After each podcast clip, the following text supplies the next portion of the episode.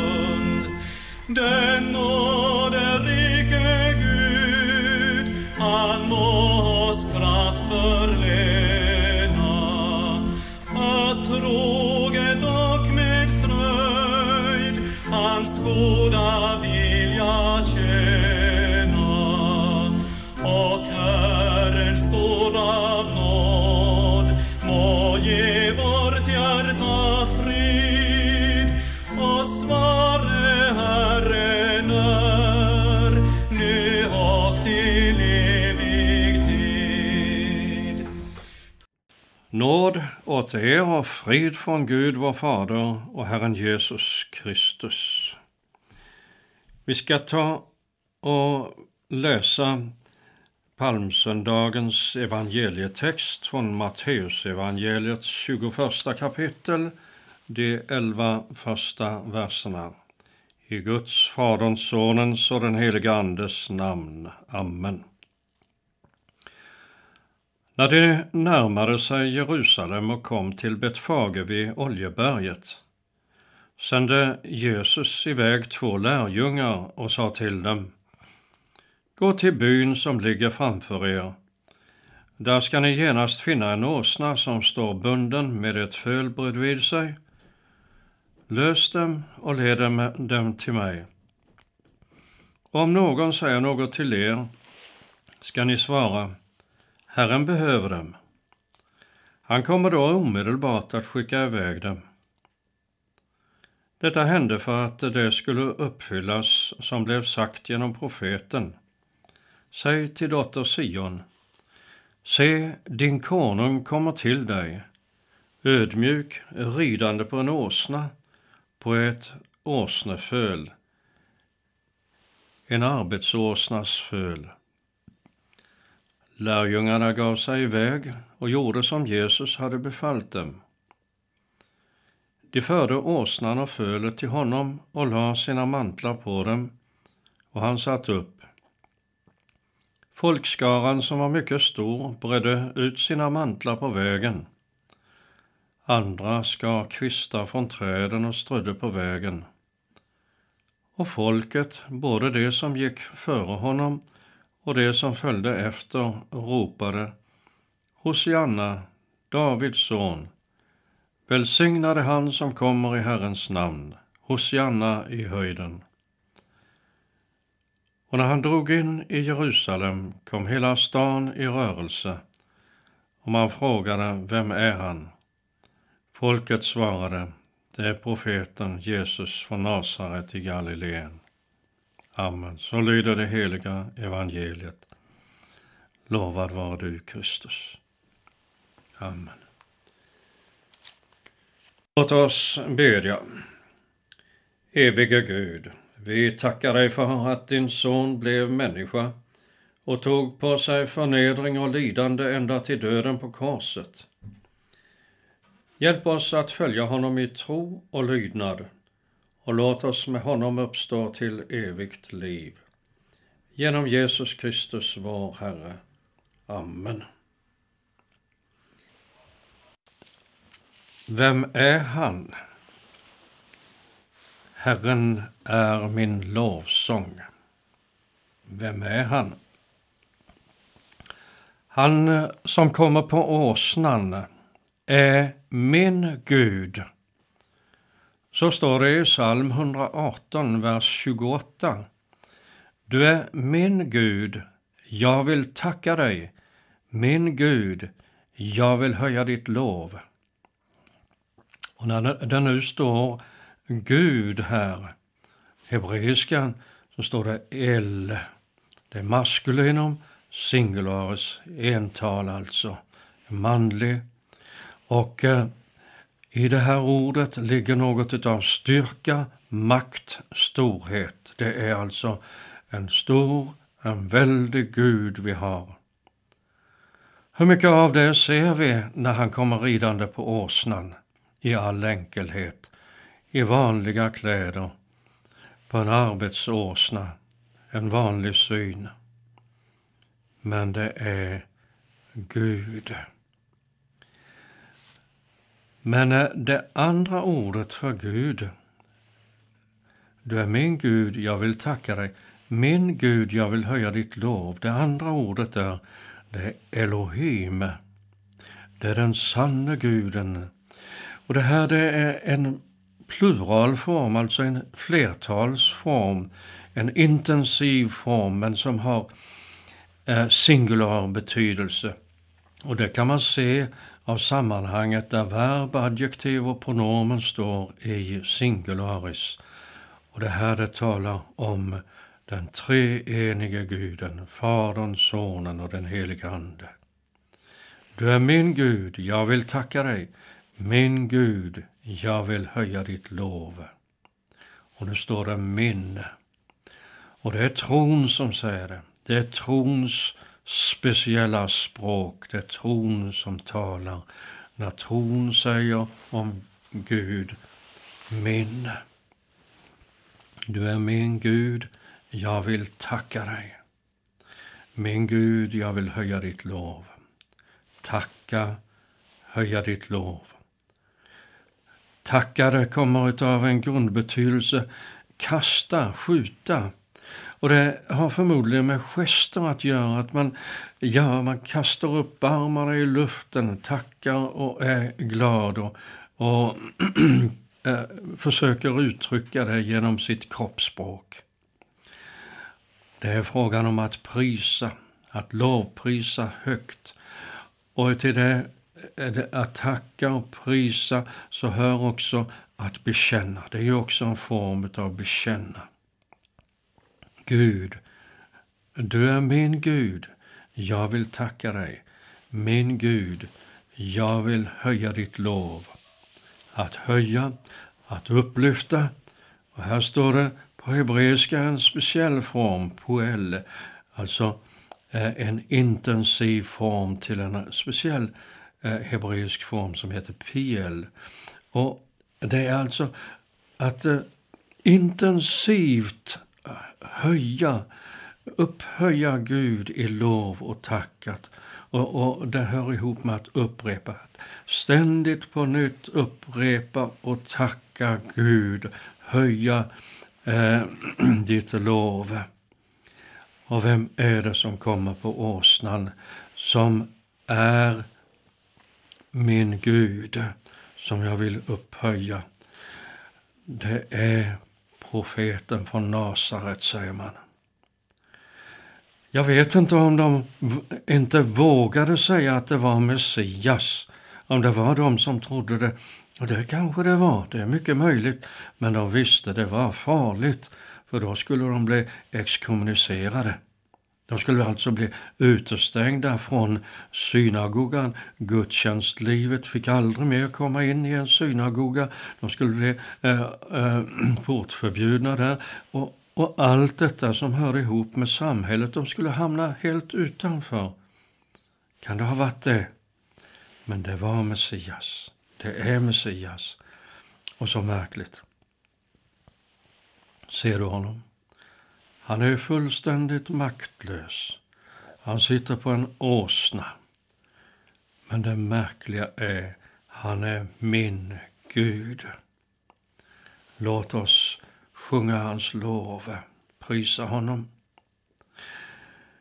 Vem är det som tystar lovsången? Ja, det är förstås den onde. Och Johannes han har skrivit att hela världen ligger i den onde. Och det är därför det är så tyst med lovsången.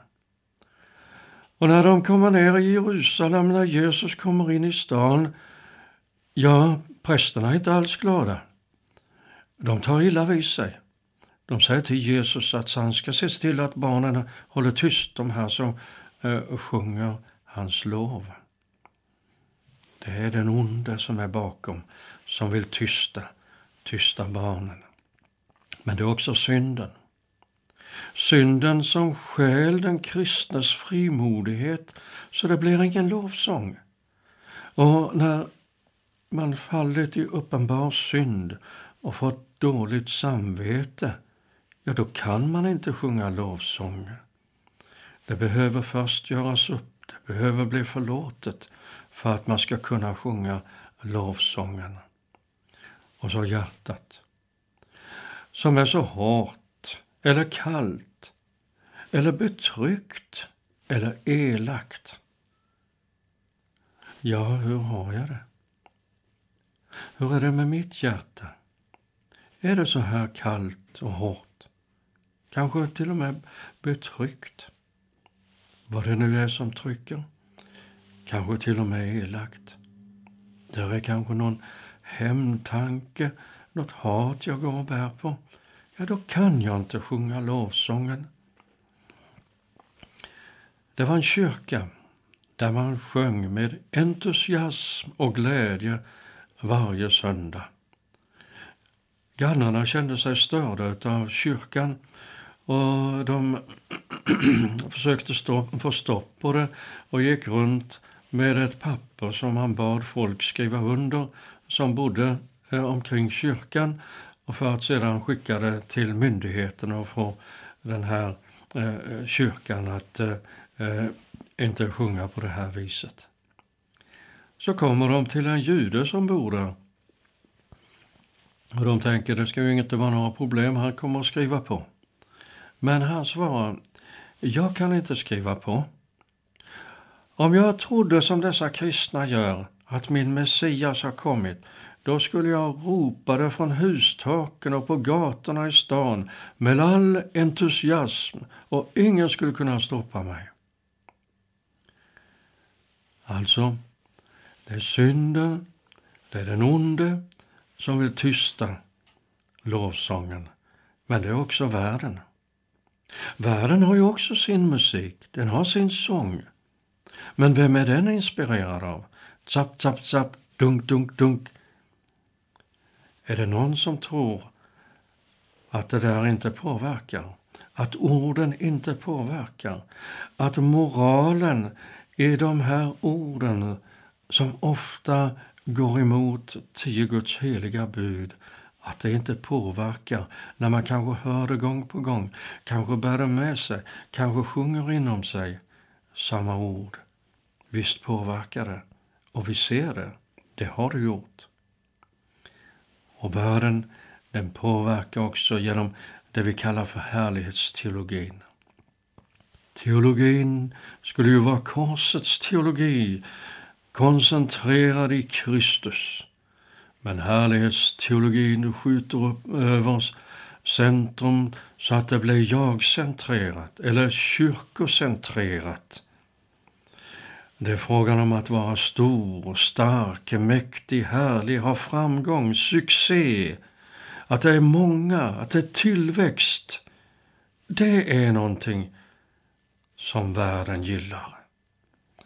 Och därför blev förkunnelsen också en förkunnelse av en Gud utan vrede, för människor utan synd, som, som för människor in i ett rike utan någon dom, genom en Kristus utan ett kors.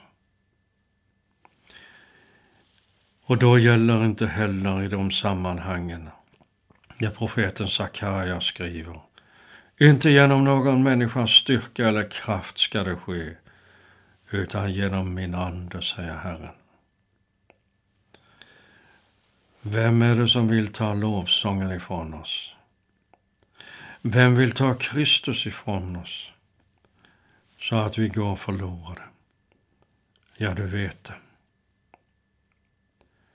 Herren är min starkhet och min lovsång.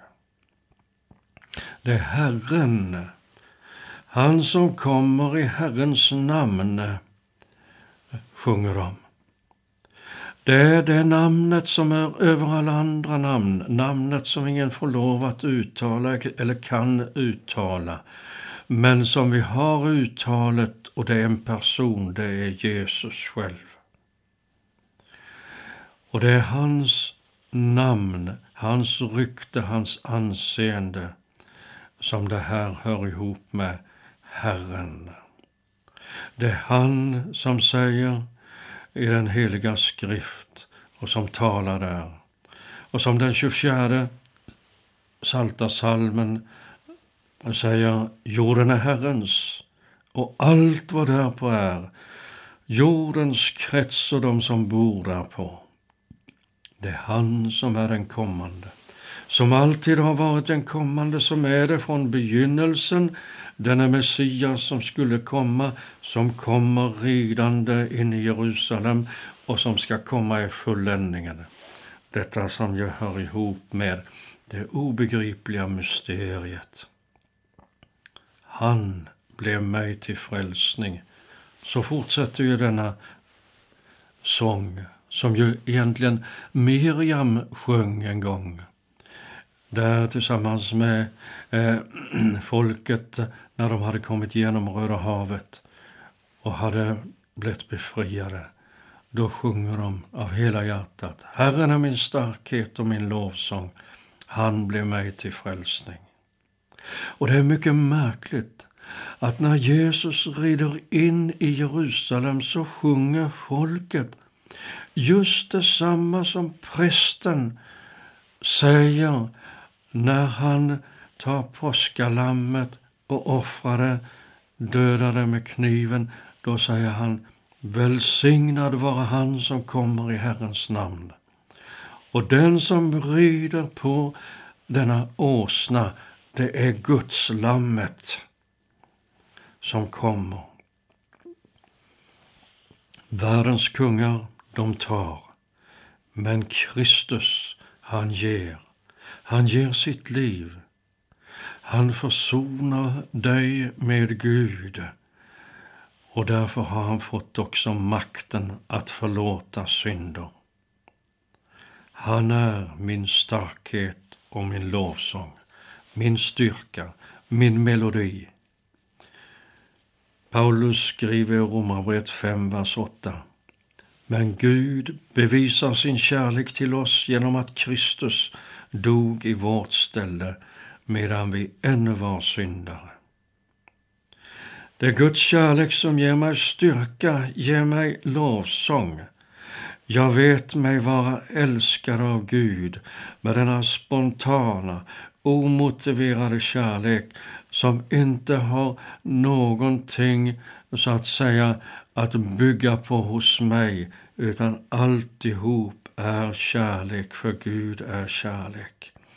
Det var medan vi ännu var svaga. Och det här är egentligen ett mycket starkt uttryck. Hjälplösa, det är det starkaste ordet för att vi inte kan göra någonting för att förtjäna vår frälsning. Istället så är vi upproriska mot Gud. Men det var för oss. Det var i vårt ställe som Kristus dog. Och här är det frågan om en auristusform. Kristus dog i vårt ställe. Och det betyder en gång. Och det är för alla. Och det här det är betonat. Det är betonat. Men Gud bevisar sin kärlek till oss genom att Kristus dog i vårt ställe medan vi ännu var syndare.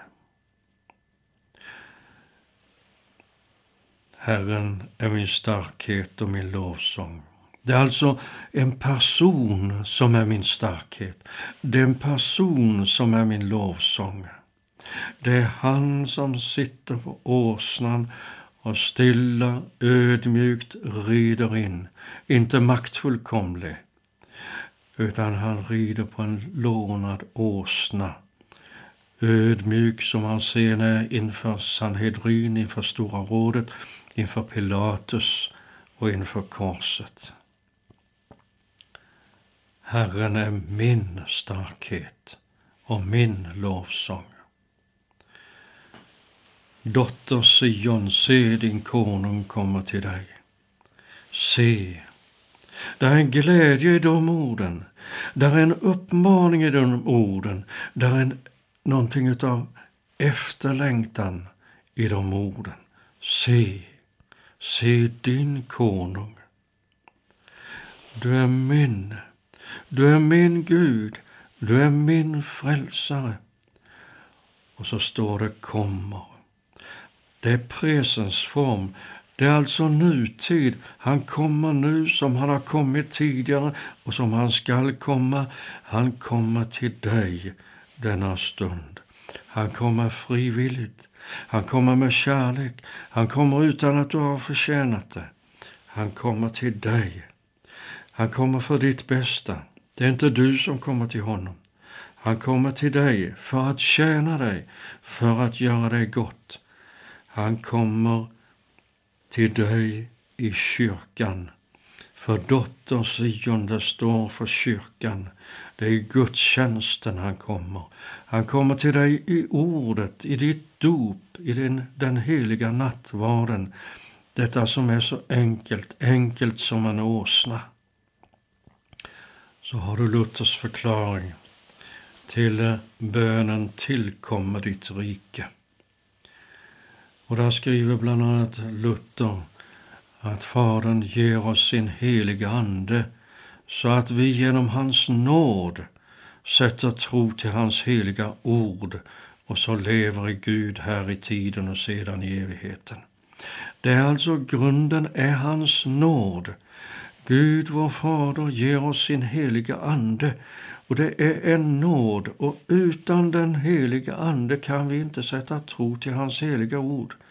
Men det är genom nåden som den heliga Ande kommer till oss och så sätter vi tro till vad det står skrivet i den heliga skrift.